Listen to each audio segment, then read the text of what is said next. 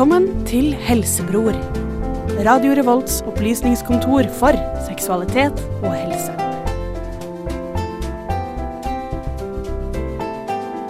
God ettermiddag og velkommen til sesongens siste ordinære sending av Helsebror.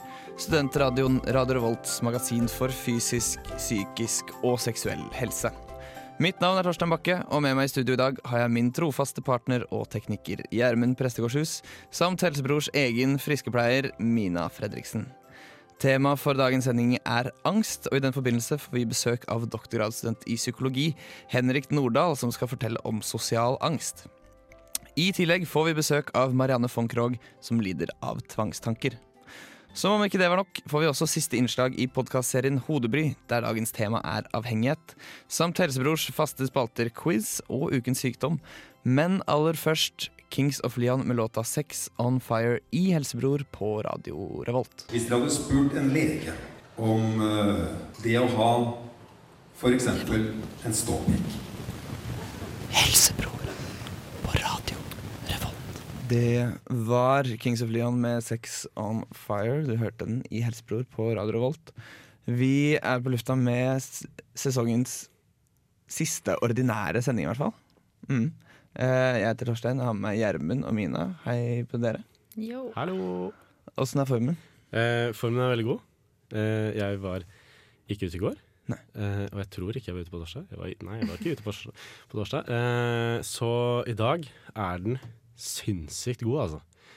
Sinnssykt god. Helt Eh, insane. ja, det er helt insane god, faktisk. Ja, det er litt fordi jeg har faktisk begynt å komme meg litt sånn over kneika på et av fagene mine, som jeg har slitt veldig med. Så ja, eksamensperioden begynner å rulle i gang, eh, og jeg koser meg. Jeg Herlig. koser meg. Det, var, Mina? det hørtes så koselig ut. Jeg ble så glad på Gjermund sine vegne. Eh, jeg har veldig lite som foregår, egentlig. Mitt høydepunkt den siste uken har jo vært uh, med blant annet Gjermund. Det var eh, både trist og fantastisk Mm. samtidig. Nei, ellers så prøver jeg å lese da, til eksamen, men det går ikke så bra som jeg ønsker. Hadde en liten meltdown i går, så venninnene mine måtte komme på rommet mitt og dra meg opp. Uff da. Uff a meg. Er Jeg har fort gjort. kommet over det. Jeg det, er, det er mye skole for tiden, ass. Semesteret er på hell, eh, som, eh, som man sier. Men jeg har veldig mange sånne innleveringsfag nå. Så de neste ukene blir ganske tunge, og så har jeg én vanlig eksamen Mm. før jeg tar fri. Ganske, ganske tidlig i forhold til alle Du andre. tar grisetidlig fri, du. Ja. Så da Når? 23. mai er jeg ferdig. 23. mai. Mm. Når har du? Det er min første. Uh, min siste er vel sjuende, åttende, Jeg har kanskje. 15. Jeg har praksis frem til tiende. Ja, verden. Uff a meg. Det er dårlig. 15. juni. Har jeg fortsatt å smøre den på beachen i Tel Aviv. Så sånn er det. Men nå, jeg har det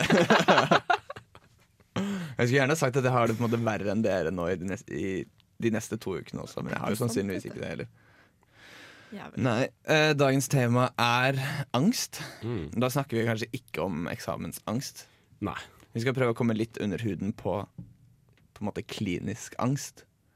eh, og de forskjellige typene angst. Hva det er. Mm. Hvorfor det heter angst. Hvor mange forskjellige typer det fins. Og eventuelt hvordan man kan bli bedre og hjelpe de med angst. Vi skal snakke med doktorgradsstipendiat eh, Henrik Nordahl, Mm. som eh, skal i hvert fall kunne veldig mye om angst, og som skriver sin doktorgrad om sosial angst. Vi skal snakke med Marianne von Krogh, som lider av tvangstanker. OCD. Og da Mm. mener vi ekte OCD, ikke sånn Å, jeg har så OCD. Altså. Ja, nettopp. Ikke den. ikke sånn rydde på pulten sin OCD, men mer sånn ordentlig OCD. Eh, men alt dette skal skje etter Hvitmann-Gjerdes Ung og blank. De så jeg forrige helg. Det var, Mm. litt Var det kult? Det var dritkult. De er veldig veldig flinke. Veldig søte små bergensgutter som er veldig glad i sånn 60-tallsmusikk. Uansett, Hvitmann Gjerdet, Ung og blank i Radio Revolt. Du hører på Helsebror med Torstein, Gjermund, Mina, Kristina og Preben. Swag. Du hører på Radio Revolt med ny norsk musikk. Bergensbandet Hvitmalt Gjerde med låta Ung og blank. Deres nye singel fra EP-en Psycho, tror jeg den heter. Uh, vi er Helsebror på Radio Revolt, og i, i dag skal vi snakke om angst. Og i den forbindelse, velkommen til deg, Henrik Nordahl. Takk for det. Hvem er du? Jeg heter Henrik Nordahl og jeg er stipendiat på eh, Psykologisk institutt på NTNU. Mm? Og du forsker på Ja, Jeg forsker på sosialangst. Ok. Eh, og det er i den forbindelse at du er her med oss i studio eh, for å snakke om nettopp sosial angst. Det er på en måte ditt felt. Det stemmer. Yes. Hva er det som gjør at du syns at sosial angst er så fryktelig spennende? At du har lyst til å skrive en hel doktorgrad om det? Eh, det var et godt spørsmål. Eh, jeg syns jo for så vidt at eh, alle typer angstlidelser er veldig spennende, men eh, det er vel tilfeldighetene som har gjort det litt sånn at eh, det er akkurat sosial angst som jeg eh, ser på akkurat nå. Men du bruker begrepet angstlidelser. Mm. Hva er felles, eller hva er kjennetegnet på, på en angstlidelse? Kjennetegnet på en angstlidelse det er vel kanskje at eh, angst, som egentlig er et normalt eh, fenomen, og noe som vi alle opplever, vokser seg så stort og omfattende at det blir et problem med å fungere for den personen som eh, har en angstlidelse. Da. Ja, så det, er, det er snakk om et gradsspørsmål? Det er ja, det er snakk om eh, omfang og, og grad, absolutt. Ok, Så det er ikke, noe, det er ikke holdt på å si, en, en klar grense mellom holdt på å si, vanlig angst og, og klinisk eh, angst, eller hvordan Det er en glidende overgang. Ja. Og når det f.eks. gjelder her med sosial angst, så er det noe som vi alle opplever i ukjente, nye situasjoner. Hvis man skal holde en tale, f.eks. Mm. Og det er ikke noe som er unormalt ved det. Men hvis man opplever angst hver gang man er sammen med andre mennesker, da har man kanskje gått over den grensa hvor man kan kalle det en angstlidelse.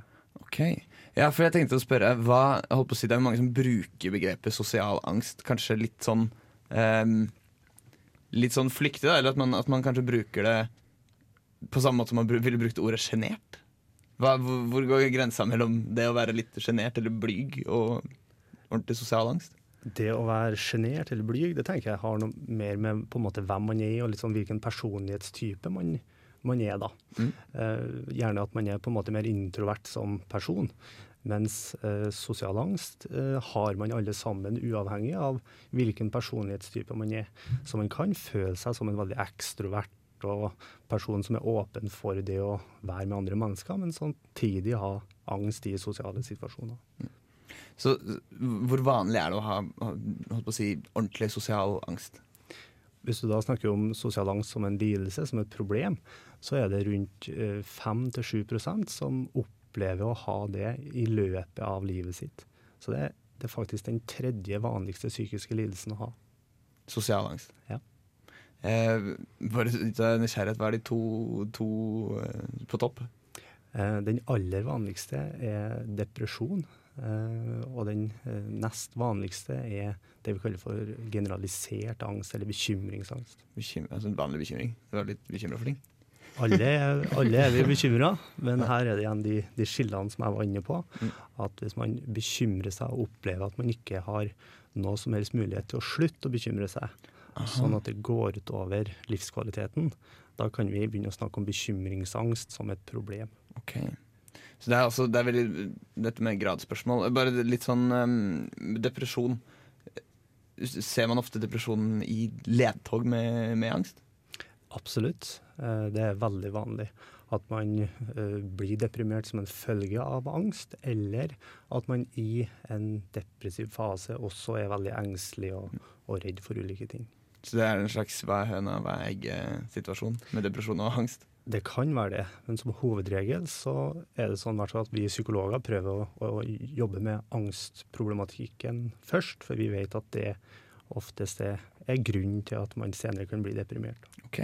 Ja, eh, hvor går det skillet? Eller er det, er det lett å behandle på en måte bare angsten, eller eh, Jeg kan jo se for meg at det flyter litt i hverandre. Eh, hvordan kan dere da skille mellom hva som er hva, holdt jeg på å si? Mm, det tror jeg at vi ikke er så opptatt av å skylde det, egentlig. For det er nettopp sånn som du sier, at det flyter litt i hverandre. Og noen av de mekanismene som er med og gjør at man har de problemene, er de samme. Så vi prøver bare å jobbe fokusert med de eh, variablene vi tenker opprettholder problemet. Eh, veldig spennende. Vi skal eh, snakke mer med deg eh, etter en låt. Vi skal høre Maja Vik med 'Natural Selection' i Helsebror på Radio Volt. Vi er tilbake om litt.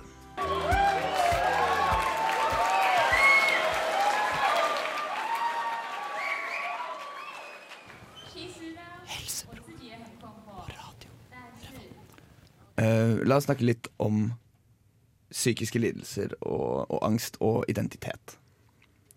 Er det greit?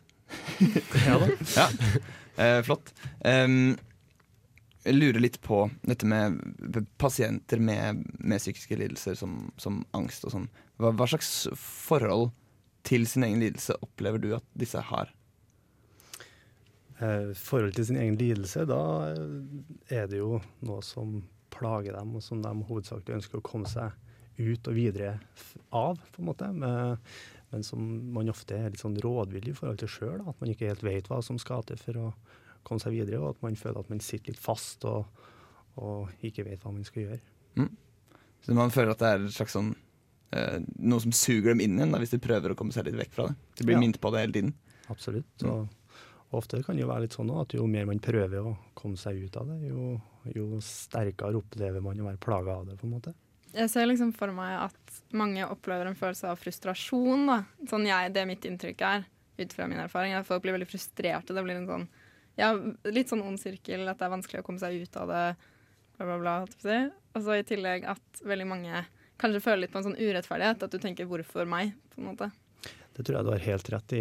Både det at man syns det er urettferdig å, på, en, måte prøve å analysere hvorfor det har blitt sånn som det har blitt. eh, Og også det at man klandrer seg sjøl og er frustrert og, og oppgitt over at man ikke bare klarer å snappe ut av det, på en måte. Ja, eh, hvordan tror du det utvikler seg? På en måte? Det, kan alle rammes av det, eller er det spesielle som er eh, veldig utsatt for å få en slags sosial angst? Eh, Når det gjelder sosial angst, så vet vi at det her med f.eks. en genetisk disposisjon er en eh, variabel som kan ha ting å si. Eh, Men vi har ikke noen sånne konkrete faktorer som vi kan peke på som årsaksfaktorer, på en måte.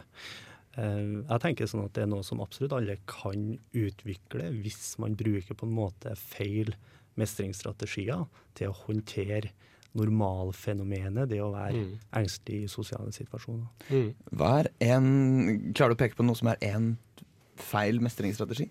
Konkret? Det som vi er mest opptatt av, det er faktisk hvordan man bruker oppmerksomheten sin. Da. Man, hva man fokuserer på, og hva man gjør når man er i sosiale situasjoner. Og de med sosial angst eh, er ofte veldig opptatt av det som skjer inni dem sjøl, inni kroppen sin og inni hodet sitt. Eh, og de prøver kanskje å lage et, et bilde eller søke en følelse inni seg sjøl som er et, en form for et andre perspektiv. Eh, F.eks. kan man ha et bilde i sitt eget hode av hvordan man tror andre oppfatter eh, personen i situasjonen. Og det vanligste er at man fokuserer på kroppslige symptomer, sånn som skjelving, rødming, svetting osv. Men man blir litt for opptatt av seg sjæl, altså. Altfor opptatt av seg sjøl, og man opplever at man ikke klarer å dra fokuset sitt utover. Eh, jeg lurer på eh, litt hvordan folk med sånne lidelser fronter seg selv, eller hvordan de presenterer disse utad. Ser du noe mønster i det? Hvordan er det noen Fins det noen forsvarsmekanismer som folk bruker her? Eh, Det vanligste tror jeg er å kanskje ikke snakke så mye om det, sjøl om vi i dag har en positiv utvikling i form av mer åpenhet rundt det. Mm. Eh, Men ofte så, så møter vi litt sånne fordommer med at det er uvanlig å gå til psykolog, f.eks. At det er rart, eller at man er en annen type eller form for person hvis man har psykiske vansker. Men alt det der er jo bare tull. Det er mer vanlig enn det vi, enn det vi tror. Jeg lurer på litt sånn um, Opplever du Det er kanskje en fordom som jeg og sikkert andre har, at noen med psykiske lidelser um, til dels romantiserer det å ha en, en psykisk lidelse? Eller en, altså si en lettere psykisk lidelse, da. Uh, nei, jeg vil ikke si at de romantiserer det eh, på noe som helst måte. Jeg tror oppriktig at folk eh, er plaga av det og ønsker å komme seg ut av det. Eh, men det er også sånn at eh, man kan være eh, litt sånn tosidig når det gjelder eh, enkelte strategier man bruker, som vi Mm. vet er med å opprettholde psykiske lidelser. Og det vanligste eksempelet på det er jo bekymring. Da. Vi vet at det å bekymre seg veldig mye er korrelert med det å være engstelig og nervøs. Og vi møter ofte da personer som på den ene sida opplever bekymring som ukontrollerbart og unormalt og kanskje farlig. På den andre sida så tenker de at det er fordelaktig å gjøre det, at det er nyttig for dem. Mm. Og de er sånn indirekte motivert for å bruke mye tid på bekymring, som igjen opprettholder angsten. Så det blir sånn at man står i en, en spagat som kanskje fører til denne låsen. Men, eh, handler det om et slags kon kontrollbehov? Eh, Jeg tror at eh, folk overkontrollerer det som skjer inn i sitt eget hode. Og hvis at vi har blitt flinkere til å ha mindre kontroll på tankene og på følelsene våre, så ville det vært en god ting for oss alle sammen. Mm. Okay. Eh, prøver folk å dysse det ned når de snakker om sin egen lidelse? Prøver de på en måte å, å skadekontrollere litt? At de bare sånn Nei da, det går fint, på en måte. Er det vanlig, eller fordelaktig er det kanskje ikke, men eh, er det vanlig? Ja, jeg tror, jeg tror det er vanlig at man prøver å spare folk rundt seg for å være en belastning, eller for at andre skal være bekymra for deg, på en måte. Sånn at man, eh, mange vil nok eh, si at det går helt fint, når de egentlig Mm. har det ganske vanskelig. Mm. Eh, vi skal snakke mer med deg etter en låt. Da skal vi kanskje litt tilbake, mer tilbake på dette med sosial angst og din forskning. Eh, men før det så skal vi høre Elvik Kongolo med 'Let's Get Together' i Helsebror på Radio Revolt. Elvik Kongolo med 'Let's Get Together'. Eh, Henrik, eh, vi har snakket masse om Yo! yo, yo. Nei, vi har snakket masse om angst og sosial angst. Men sosial angst det er, det er på en måte ditt spesialfelt. Ja. Um, hva er det du driver med nå? Hva er det du forsker på nå? Eh, Det jeg sammen med flere andre da, på Psykologisk institutt forsker på, det er dette med metakognisjon og sosial angst. Um, da vil jeg gjerne spørre hva er kognisjon, og hva er metakognisjon? Ja. eh, For å gjøre det enkelt så sier vi at kognisjon er på en måte tanker.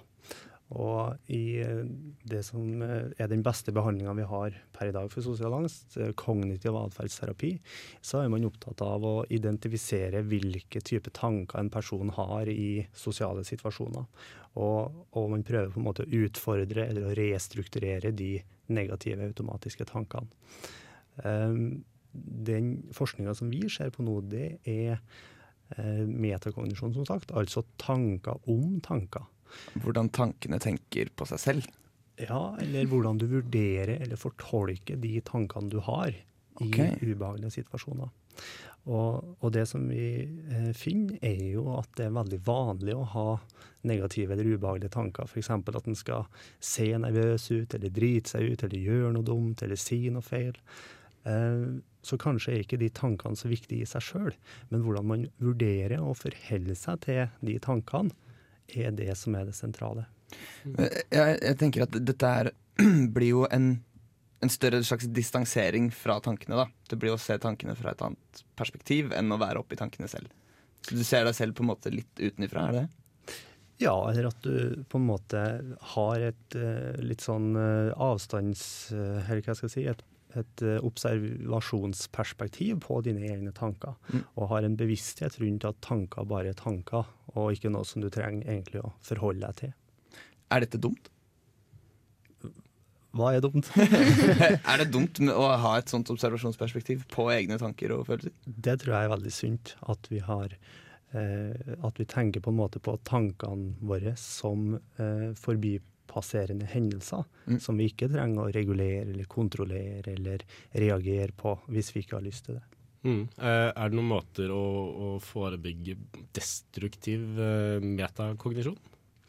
Eh, ja, det er jo egentlig det vi prøver å, å jobbe med i den nye eh, behandlingsformen. da.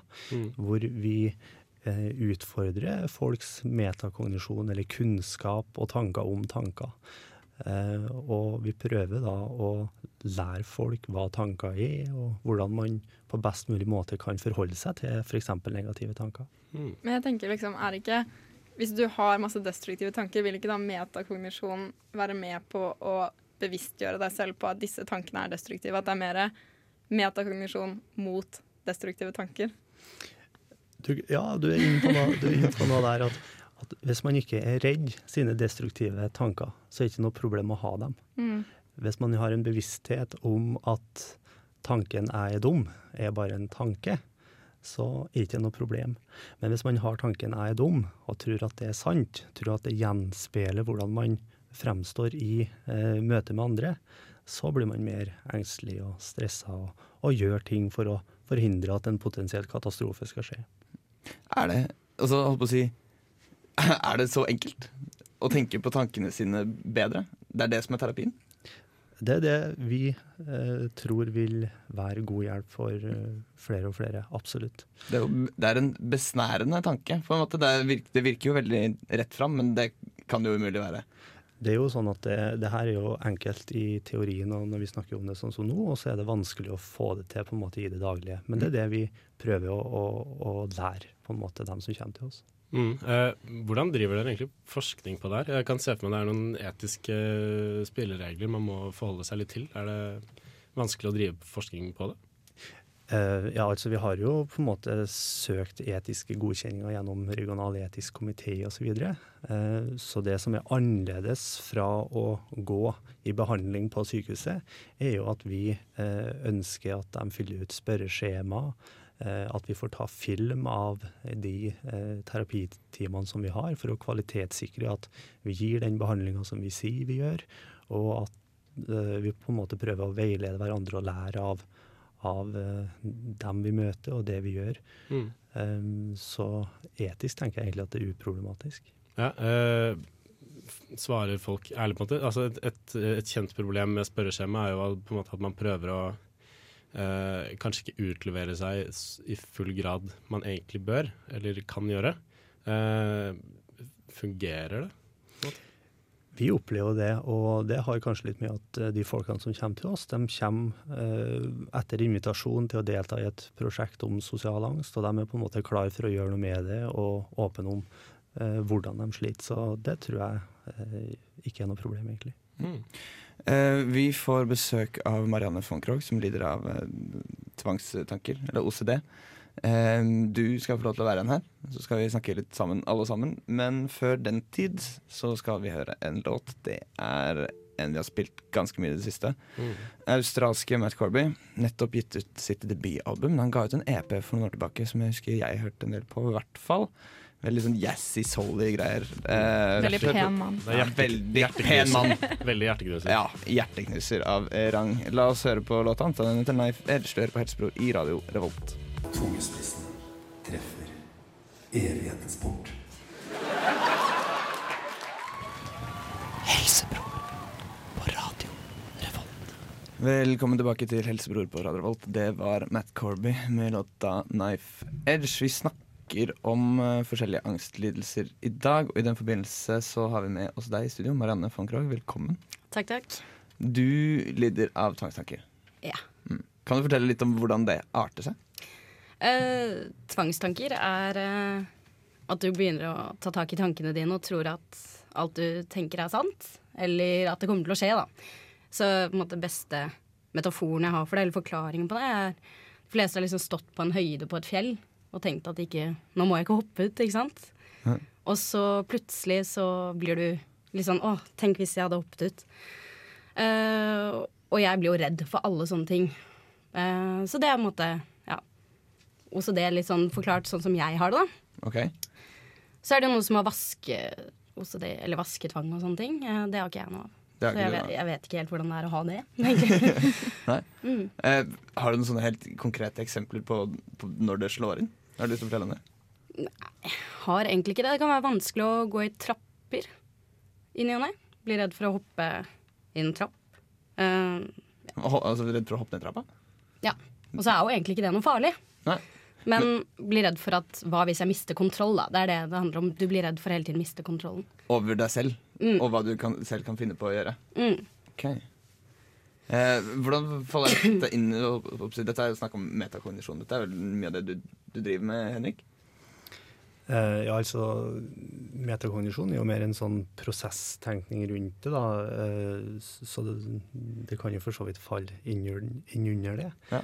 Eh, så, så, det du beskriver, er jo at du har noen tanker som er veldig forstyrrende for deg. Mm. Eh, og så er det på en måte hvordan man forstår de tankene. Du sier at du er redd for at det skal skje, det du tenker. Mm. Og da er vi inne på det her med fortolkning av å ha den tanken, eller metakognisjon. Mm. Um, Når du ser på deg selv, Marianne, i forhold til andre, Ja. hva, hva, hva tenker du om dine egne tanker? Hva tenker du om denne lidelsen for, i, i, i forhold til andre folk? Føler du at um, Hender det du tenker at andre folk ikke er like i kontakt med sine tanker som det du er? Ja, det tenker jeg. Jeg tenker jo at folk Altså, alle mennesker har tvangstanker. Mm. Det er noe alle har. Men ikke alle blir redd for dem. Det er det som er forskjellen. Nei. Så det er på en måte en veldig sånn normal sykdom. Eh, selv om det er vel rundt 1 eller noe, jeg har ikke helt tallene på det, som utvikler en lidelse rundt det. Eh, og. Jeg tenker jo kanskje mer sånn at så heldige de er som ikke blir redd for tankene sine. eller når jeg har vært syk. Nå er jeg jo så godt som frisk. Så nå styrer liksom ikke det min hverdag lenger, da. Men det har jo gjort det noe veldig, hvor det blir liksom at alt blir vanskelig. Um, så forskjellen blir jo mye det at um, du tenker jo at Ja, tenker at andre ikke er redd for ting, og ikke får tvangstanker, og det er jo feil. De får jo det, men de bare blir ikke redde. Så det er, det er et gradsspørsmål, som, som vi snakket om i stad, Henrik. Ja, det er et gradsspørsmål, og det er også et spørsmål om hvilket forhold man har til det å ha tvangstanker. da. Mm. Eh, vi skal snakke litt mer om, om dette med tvangstanker og det å leve med, med psykiske lidelser. Eh, før den tid så skal vi høre en kjempehit. Spilt den 100 000 ganger. Skal spille den 100 000 ganger til. Uh, den blir ikke noe verre, syns jeg. Det gjør det ikke. Nei, det er Carpe Diem det med hvite menn som pusher 50. Mammaen og pappaen deres traff hverandre for første gang. Og det slo gnister.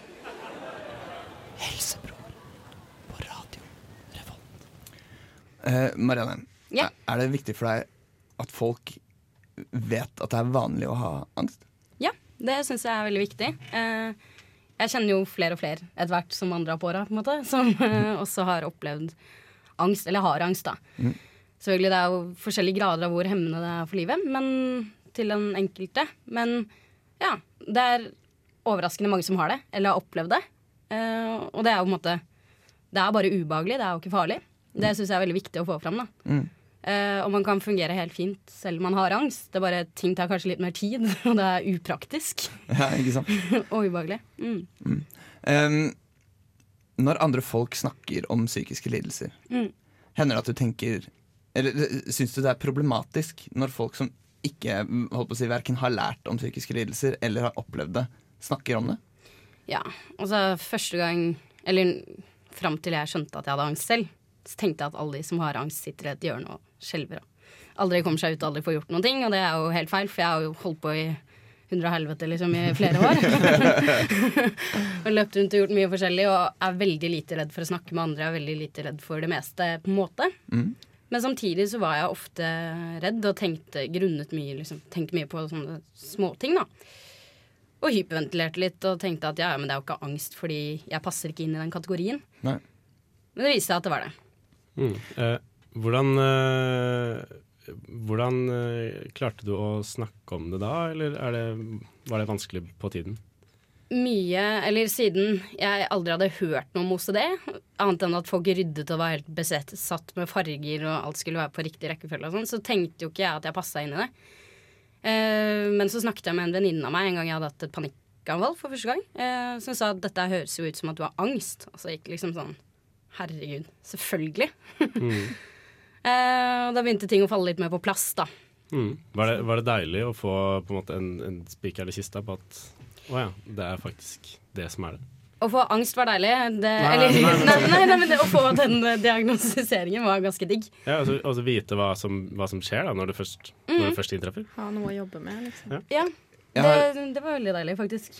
ja, jeg har et spørsmål. Det går litt til deg, Marianne, som har opplevd det. Mm. Og litt til deg, Henrik, som, som jobber med det. Um, det. Finnes det et slags si, et miljø rundt det å ha angst? Er det, er det skapt en kultur her blant folk som, som har opplevd det? Er det litt sånn eh, at det å snakke om angst og vite hvordan det er, og egentlig ha en diskusjon rundt angst, er det forbeholdt de som har opplevd det? Er det sånn at de som ikke kjenner til det så godt, er holdt litt utenfor? Nei. Jeg prøver å snakke om det med vennene mine og sånn, og det er sånn av og til, hvis jeg har, det, jeg har en kjip dag, så blir jeg litt sånn faen, dere skjønner jo ingenting av som, hvor ille det kan være, liksom. Nei. Men samtidig så opplever jeg at de fleste skjønner hva det er, for at alle har vært redd. Det er jo en viktig overlevelsesmekanisme vi mennesker er født med. Den bare slår ut veldig feil da, for de som har angst, sånn som jeg har skjønt det. Nå kan jo ikke jeg uttale meg noe sånn særlig profesjonelt her. Men eh, ja. Så de fleste vet hvordan det er å være ordentlig redd. Ja. Eh, og hvis du på en måte prøver å forklare at den står på hele tiden, eh, og når man snakker med folk om å ha vært i ubehagelige situasjoner, så skjønner de fleste det egentlig. Men kanskje er det litt for lett å misbruke ordet angst. Sånn faen, for så jævlig angst av det, og sånne ting. Og det, da merker jeg at hvis jeg har en kjip dag, så kan det virke litt støtende. For det er sånn hvis du har vært inne i en periode med mye angst, og liksom så sitter folk der og kødder med deg fordi de får angst fordi at håret ligger feil, så blir det litt sånn Vet du ikke hva du prater om? ja. Henrik, hva tror du? Jeg er veldig enig med det som eh, Marianne sier her. Så jeg syns det var et veldig godt svar. Nå Stiller meg bak det. Yes. Eh, jeg tenkte å spørre litt om, om eh, kanskje det som folk forbinder mest med angst. Det er panikkanfall. Mm. Hva Kan vi begynne litt sånn teknisk, kanskje? Henrik, hva er det? Hva er et panikkanfall? Eh, et panikkanfall det er noe som innsetter veldig brått. En intens angst som innsetter veldig brått, gjerne i løpet av få minutter. Og hvor man har veldig mye kroppslige symptomer og kognitive symptomer. Veldig høy angst. Og man blir på en måte eh, redd for, eller man fortolker den angsten som at man holder på å dø, at hjertet kollapser, at man blir gal. Eller at det inntreffer noe som vil være på en måte katastrofalt da, for, for livet eller psyken eller noe i den dur.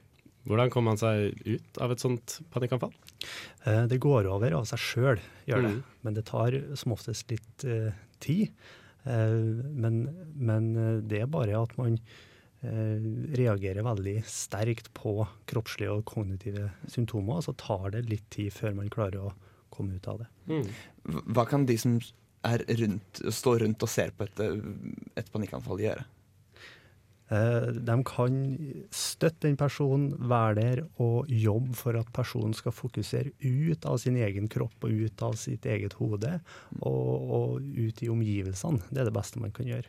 Eh, Det er ikke noe Noen har jo eh, på, en måte brukt som et sånn triks å puste i pose osv., men det, alt det der er bare tull. Det beste er å gjøre ingenting og være en trygg, stødig person som, som tilbyr et, eh, hjelp til å få et eksternt fokus.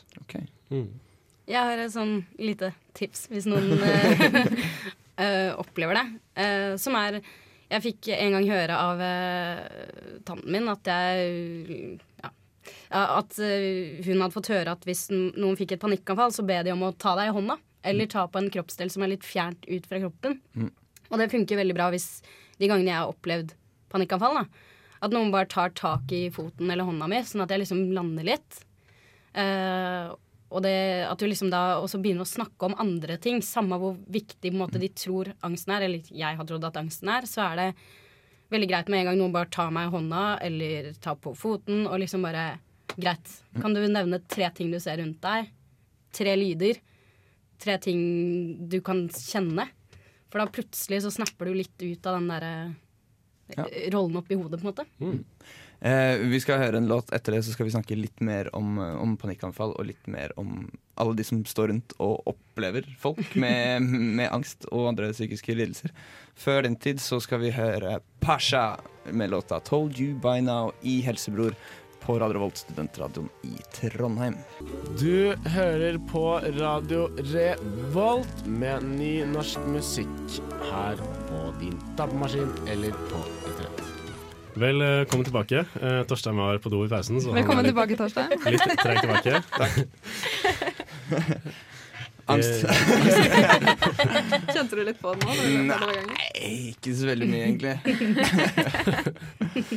yes. Um, vi har snakket litt om, om angstanfall, og, eller panikkanfall. Hva er det riktige ordet? Uh, nei, de brukes egentlig om hverandre, da. Ja. Uh, det gjør de. Må man ha hatt et panikkanfall for å si at man har angst? Nei. Nei. Så enkelt som det? uh, jeg lurer litt på uh, hvordan man kan leve med det. Uh, er det noen triks på hvordan å håndtere det på best mulig måte? Eh, ja, mitt råd vil jo være at hvis man har betydelig angst, at man oppsøker hjelp for det. For at det går an å finne god behandling som gjør at man blir helt frisk av det. Eh, så min oppfordring vil jo være å ikke leve med det, men heller finne de rette folkene som kan hjelpe deg med det her, og, og prøve å legge det bak deg. Mm. Bare sånn, finnes det noen Finnes det noen stolthet, finnes det noen ære i å, i å holdt på å si, leve med angst? da? Jeg tenker absolutt uh, ikke det, egentlig. Jeg tror det er veldig slitsomt, ubehagelig og frustrerende for dem som, som har det. Så det er ikke noe stolthet over det i det hele tatt. Marianne, hva tenker du? Nei. Tenker at det er, det er noe dritt når man står oppi det. Mm. Men samtidig så er jeg veldig glad for at jeg har gjort meg den erfaringen med å ha angst. Fordi eh, jeg skjønner jo veldig godt hvordan andre folk har det, og det høres skikkelig fælt ut å si. Men da en venninne av meg fikk et panikkanfall, og jeg var der, så ble jeg liksom Det satte i gang en sånn prosess med meg at etter det så ble jeg veldig frisk. Fordi Eller var med på å gjøre meg frisk, for jeg så hvor lite som skjedde av det hun trodde. da Ja. så det var veldig egentlig fint. Og jeg kunne på en måte For hennes del var det sikkert greit òg, for jeg skjønte jo akkurat hva som hun følte. Mm. Uh, nei, det er ikke noe særlig kult, vil jeg si. Eller, men det er jo på en måte du får en veldig sånn styrke. Du blir jo veldig Du blir jo ganske psykisk sterk av å hele tiden måtte jobbe mot det du er mest redd for. da Eksponere deg. Hvor viktig var, den, var det perspektivet for deg å kunne stå på utsiden og se på en som hadde et panikkanfall? Det, det var egentlig litt morsomt, for jeg var veldig mm, engstelig selv i den perioden. og var liksom hele tiden opp og ned i litt sånn panikk og sånn. Og så får hun bare et sånn kjempepanikkanfall som varte av og på i over et døgn. Og det å liksom sitte der og bare Vet du hva, dette her er bare kødd. Og så ser jeg det fra alle mulige sider, da. Det var faktisk kjempeviktig, og jeg er veldig glad for at jeg opplevde det. Og hun har jo på en måte sett meg gjøre det samme, så vi har på en måte kanskje sånn sett hjulpet hverandre litt, da. Jeg har lyst til å snakke om en ting som, som, eh, som jeg lurer litt på. Vi, vi har ikke så fryktelig mye tid til det, men vi kan touche så vidt innpå det. Um, hvorfor snakker vi ikke så mye om pårørende til uh, både milde og sterkere psykiske lidelser? De som må leve med de som lever med angst og depresjon. Da spør du meg. Jeg spør dere begge to. For så vidt Gjermund og Mina. Ja, jeg, tenker at eh, vi som fagpersonell har absolutt dette pårørendeperspektivet, og det står jo sterkt eh, på institusjoner og avdelinger som jobber med alvorlige psykiske lidelser. Mm. Eh, Når det gjelder eh, psykiske lidelser av mildere form, så er vel kanskje perspektivet mer på å hjelpe den enkelte, eh, og at vi prøver å få den personen til å, å bli bedre, og på den måten håndtere de pårørende og, og ta de samtalene sjøl. Er det farlig Eller kan det være farlig å være en pårørende hvis du ikke vet hva som foregår? Nei, Det er jo på ingen måte farlig, men det er jo ubehagelig å se at en av dine nærmeste har det vondt og vanskelig. Og jeg tror mange kjenner seg rådvillige i forhold til hvordan de skal bidra, og hva de kan gjøre for å hjelpe den personen. Eh, Så min oppfordring vil jo være da å snakke med den som har det vanskelig, og tilby seg å bli med på en samtale hvis man går i en behandling eller sånn, så er alle helsepersonell åpne for å, å ta imot eh, pårørende også i, i samtaler. Eh, Jeg lurer på, finnes det noe man konkret kan gjøre, eller ting som folk gjør helt konkret, som kan gjøre det verre for en som går gjennom en psykisk lidelse, eller f.eks. har et panikkanfall? Da? Jeg kan i hvert fall si Det å si 'ikke tenk på det' er eh, det verste du kan gjøre. For det er jo det man absolutt prøver på å ikke gjøre. Når man, eh, når man står oppi det og har angst, så prøver man bare 'ikke tenk på det', ikke tenk på det, ikke tenk på det, så går det bort. Men det er jo som å si 'ikke tenk på en rosa elefant'. Da bare tenker du på det hele jævla tiden. Ja, og i forlengelsen det eh, å på en måte bagatellisere det, eller å si 'skjerp deg', eller kom, 'kom igjen' nå, på en måte. Det er ikke så mye vits i da. Hvis personen har klart det, så vil han ha kommet ut av det allerede, på en måte. Så det, det er det å bry seg og, og være der i, i tøffe tider, det tror jeg er viktig. Mm. Er det viktig at For jeg tror det kan være vanskelig for mange pårørende å, å føle på det at dette her jeg, Altså Én ting er å føle at man ikke gjør, gjør det noe bedre. En annen ting er jo, kan det være at mange kanskje føler at de er grunnen til det. Eller føler en slags skyldfølelse. Har dere noen, tanker rundt det? Nei, Jeg vet ikke helt. Jeg tror det er veldig sjelden, tenker jeg, at hvis man ikke har gjort noe veldig rart eller grusomt mot et menneske at man påfører andre angst, det tror jeg egentlig ikke er så veldig vanlig. Jeg vet ikke helt. Nei, eh, jeg, jeg tenker for de fleste angstlidelser så, så er jo ikke det et resultat av noe som man er påført av andre. Men hvis man går og har sånne skyldtanker, så må man jo ta det opp og få snakka om det. Jeg tror nok samtidig at f.eks. For foreldre generelt har en tendens til å være sånn Er det noe jeg har gjort? Er det noe jeg kunne ha gjort annerledes? Jeg tror veldig at mange foreldre føler på det når de har barn som blir syke psykisk. Eh, Det har vært en utrolig spennende samtale. Jeg er veldig glad for at dere tok dere tid til å komme i studio eh, til Helsebror i dag. Mm. Um, ja. Lykke til både med, både med doktorgraden og sånn generelt. Ja, takk, takk. Um, vi skal høre siste installasjon i podkastserien Hodebrydd. Det handler om uh, avhengighet. Den kommer etter låta 'Nelly' med Isai Rashad. Eh, Tusen takk, Marianne og Henrik. Takk, takk. Um, ja, vi høres igjen etter podkasten. Vi skal ha quiz. Spørsmål og svar. Vi skal ha quiz. Velkommen til oss her på radio og til Helsebrors quiz. Ja, det var quiz-jingeren, det. Du veit hva som skjer da. Da blir det quiz. Da blir det quiz, da. Ja. Gjermund, eh, du har laget quizen. Marianne, du ble igjen for å være med på quizen. Jeg har ikke noe liv, så jeg liker best å henge her. Bedre å være med på quizen enn sitte hjemme og grine, si. Ja, det er helt riktig. Nei, men sist uke så lagde jeg en litt dårlig, Den var så dårlig quiz. Eh, jeg skal vedgå det. Eh, men nå har jeg kommet sterkt tilbake, og siden dette er siste sending av semesteret, så har jeg lagd en Helsebror internquiz med et wildcard-spørsmål på tampen. Som ikke er internt. Ok. Jeg, vet, jeg skjønner Jeg ikke hva er så skeptisk til denne quizen. Men uh, ja, skal vi se. Jeg må skrive ned mm, Ja, OK. Uh, vil dere ha det? Ja, vi vil ha quizen, Vil ja. dere ha det? Jeg er ikke helt forberedt mentalt på det her, føler jeg. OK, internquiz altså. Hvem i Helsebror har flest Facebook-venner? Oi! Oi. Eh, Marianne, vil du svare først, kanskje? Jeg tipper da deg, egentlig. At det er meg? Ja. Jeg lener mellom deg og meg. Jeg sier meg sjæl, da, så jeg har sagt noe. Ingen som tror Gjermund, i hvert fall. Jeg tror jeg, tror, jeg, skal, jeg, tror jeg gønner meg sjæl, jeg òg. Av to grunner. Det ene var at jeg har veldig mye mange eh, Eller at jeg har vært veldig ukritisk. Og så har jeg veldig mange fra Italia, fra da jeg bodde der. Og mange litt sånn fra Cuba og sånn Det jeg bodde der. Så jeg tror det er meg. Ah, Altså. Nå angrer jeg på valget Men jeg- jeg står ved det. Du står ved valget ditt. Det var dumt, fordi det er Torstein som har flest venner. Han, han har nettverksbygging! Det er per klokken tolv i dag. Eh, så hadde Torstein 1474 venner. Husker du hvor mange jeg har, da? Det er mange. Ja, Mina, du har 1168 venner. Ah, Hvor mange har du? Eh, jeg har 664. Det er litt så gøy hvis alle mister venner nå.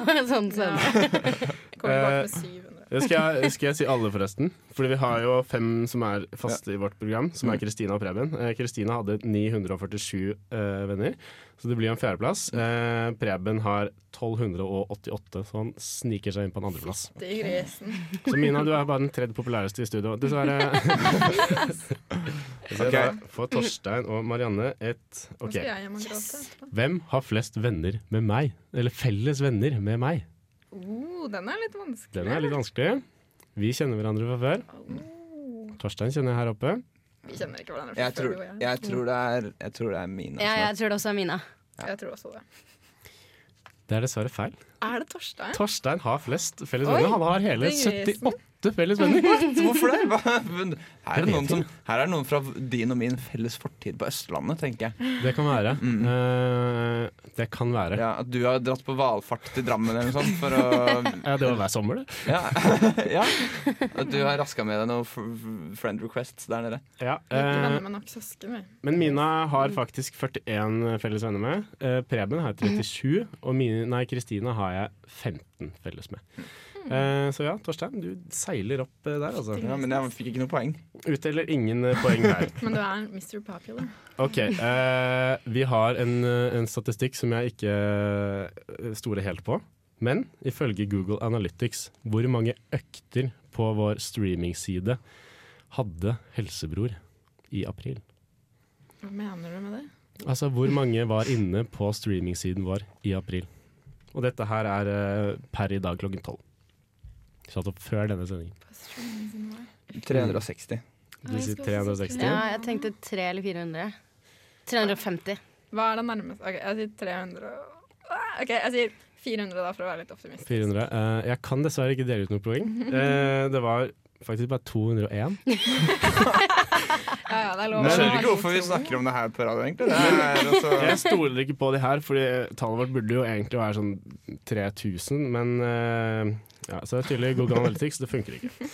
Eh, så ingen poeng der. Skikkelig. Uff a meg. ja, jeg tror vi kjører låt, men eh, poengene til nå er ett poeng til Torstein, ett poeng til Marianne. Og ingen poeng til Mina. Greit, da. Eh, skal vi kjøre låt, da? Det skal vi. Da er det Rudimental featuring Paul Newman. Låta heter Feel the Love i Helsebror på Radio Revolt. Du hører på Helsebror på Radio Revolt. Rudimental med Paul Newman, Feel the Love. Mm. Vi driver og holder på med din quiz. Min uh, internquiz Uh, Ja. Uh, vi har eh, At det går rett på sak. Kjør på. Uh, vi har en internchat eh, som heter helse, altså b.r.o.r. Yeah. Tenker du på helse, BR og R? Ja. Eh, som er vår internchat på, på, på Facebook. Eh, der har det klikka inn noen meldinger. Og jeg lurer på hvor mange meldinger er sendt Oi. per klokken tolv i dag. Er det, er det noe slingringsmonn? Eh, Pluss minus ja, Vi får se. Pluss minus 200, eh, i, egentlig. Pluss minus 200? Ja, Ok, da sier jeg 4000 meldinger. 4000. Jeg skulle si ok, 3007.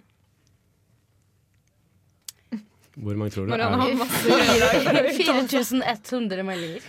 Går jeg for 4100. Eh, jeg kan dessverre ikke dele ut noen poeng. Eh, det er faktisk bare 2438 meldinger. Ja, Men Preben står for 2400. da. Ja, det kan godt være. Jeg sier det som det ikke er her. det kan godt være. Men det var faktisk ikke så mange. Jeg trodde det skulle være mye flere. Den, Ja, den chatten der har rulla godt hele semesteret her. Altså. Men jeg angrer på at jeg sa 4000, for jeg tenker meg om så er 4000 ganske mye. Ja, det er egentlig jævlig Ja, mye. det er veldig mye. Ja. Vi har jo Ja. samtaler om Sigdal og Haglebu. og- Men jeg tror ikke jeg hadde giddet å sende 4000 meldinger med noen. altså. Nei. Få se. Nei, men husk at vi er fem stykker òg, da. Det er sant. Mm. Mm. Eh, cirka, hva var det 2400? Var det? 2438 Mm, så ca. cirka 12 500 meldinger hver. Ja. Og så klikka det inn to bare- meldinger fra Mina. Bemerke at jeg var nærmest, men ja. Du var nærmest, men du var Er ikke det et halvt poeng? Sånn. Nei, Nei, det er, nei, det er ikke et halvt poeng. Ah, kan få, Marianne. Ja da, det er hyggelig å ha på besøk i lag. du kan få et, et kvart poeng. Marianne skal alltid være med Sympatipoeng. på quiz. Yes. Eh, hvem har flest likes på profilbildet sitt? Per, eh, altså det, det profilbildet de har nå. Mm. Jeg føler jeg er kongen av Facebook eh, på hjørnet her. Altså, Ja, jeg tror ikke det er meg. For jeg, jeg, det, jeg tror jeg endra det litt sånn i hemmelighet. Men da bytter jeg til Gjermund. Ja, da, jeg tror jeg sier, da sier jeg Mina, jeg. Jeg sier også Mina. Det er jævlig kjipt å si. Fader, der mista jeg et poeng, tror jeg. Hva Nei. sier du? Ja, jeg sier deg. Takk for tilliten. Eh, Tilliten har vist seg å ta feil. Nei! Fordi det er Mina. Hun har faen hele 154 likes! Yeah. Så det er helt Like tydelig at selv om du ikke har så mange venner, så har du veldig mange lojale Jeg har, veldig, jeg har veldig mange overfladiske forhold. Ja. Ok. Eh, Jeg er på andreplass med 118. Jeg trodde egentlig det skulle være mer, men eh, det er helt tydelig at jeg må begynne å bytte profilbilder litt oftere. Å, ja. OK! Da tar vi kvelden, da. Hvor mange hadde jeg? Hæ? Hvor mange Ja. hadde jeg? Du hadde 58, Preben har 63, Kristina har 33. Men jeg tror Kristina har veldig mange på det hun hadde før. Men så bytta hun. Ja, jeg tror at hvis hun hadde 18-19 år, så hadde det vært en verdig konkurrent. Men jeg satser på det å bytte profilbilde i fadderukene, for da får jeg masse nye venner. Eh, og da får Alle liker sånn? Kan vi være venner Da har du Like. hele sommeren til Ja. å ta et skikkelig fint Det er planlagt profilbilde. Shit, Mm. Så det kommer uh, i starten av august så kommer det et nytt bilde. gleder oss. Eh, det her eh, er i sammenheng med quizen vi hadde sist eh, sending. som var eh, litt så som så. Jeg skal ta selvkritikk Det på det. Og eh, Mina poengterte at dette var den quizen hun hadde bannet flest ganger på. Så jeg lurer, hvor mange ganger bannet Mina under sist ukes quiz? Å nei. OK. Jeg har faktisk sittet og, og nihørt, eh, og jeg har et tall på det. Mm. OK. Ja. Jeg, jeg velger å si bare Nei, jeg kan ikke være så få. OK, ni, da. Ni. Det var kanskje litt idé, jeg vet ikke. Tolv. 15 ganger. 15. Torstein er nærmest, oss Faen. Det var Da var det 16. det var eh, 14 13 ganger. ganger. Oh, er det, det er det? Eh, det er faktisk ja, Nei, det. jo. Jeg tror det var 13. Du kan få tre fjerdedelspoeng, siden du var litt unna. Ah, ok, men det går bra ja. Og så har vi et siste Nei, vi har to spørsmål igjen. Okay. Hvor mange ganger banet jeg under sist sending? Og jeg banner ganske ofte. Eh, under sist ukes quiz så banet jeg mest fordi Men sist, eh, sist quiz? Ja. ok. eh, Jeg bannet mest fordi Mina bannet, eh, så jeg slang meg på bannetrenden. Eh, Det er kult. Faen, hva faen er det som skjer når jeg er Der kom det, ja. er ja, men jeg telte faktisk Jeg telte faktisk hvor mange ganger Preben bannet også. Han var også med på dette her. Eh, han bannet to ganger. Men Han driver bare med sånn sørlandsbanning. Sånn Hekkan Sørens uh... Ja, det var grælig leit, altså. Det var kanskje Stavanger, da, men Faren min hadde vært så skuffet over meg. Det er det jeg ja. på. Nei, du banna vel eh, Du banna vel åtte-ni ganger, da? Jeg sier null. du sier null. Jeg sier 11. Du sier elleve. Sier du åtte eller ni? Nei, Åtte. Du si åtte. Ja, du skulle ha svart ni, fordi det var ni svar riktig. Hæ? På forrige quiz? Å, fortsatt Du var jo ganske den nære, da. Hvordan klarer du å banne ni ganger når det er du som stiller spørsmålene? Ja, men jeg, Ja, det jeg ble syns jeg ja, også men er jeg ganske var, bare- imponerende. Men faen i helvete var det som døde? ja, men nei, det var sånn Når du svarte Jeg husker spesielt ved en anledning. Svarte du én ting, eh, og så endret du svaret litt. Og da sa jeg sånn Faen i helvete, Mina. Du er så jævlig dårlig. Hvorfor endrer du svaret ditt? Eh, ja. Nei, så da Det var du som fikk eh, fram det verste i meg. Den quizen. Vi har eh, et siste spørsmål. Vi kan ta eh, hvem som leder. Det er Torstein med to og Nei, 2,75 poeng. Eh, Mina har et kvart, altså 0,25 poeng. Jeg leder over Mina. Ja. Ja, ja da! Okay, Marianne får med har, eh, Marianne har et helt poeng. Yes! Eh, og siden hun er gjest, så får hun et eh, halvt ekstra. Oi, er det sånn Ja, men, ja, men du, stiller, du stiller svakere i denne quizen fordi det er internquiz. Ja. Så du, du begynner med en head start, på en måte. Mm. Så da har Et du litt sånn hand handikap-poeng. litt Får handikappoeng. jeg noe plusspoeng for å ha angst også? Mm, Et kvart poeng. Faen, hva, altså, hva har skjedd med den quizen her, egentlig? Korrupt, ass.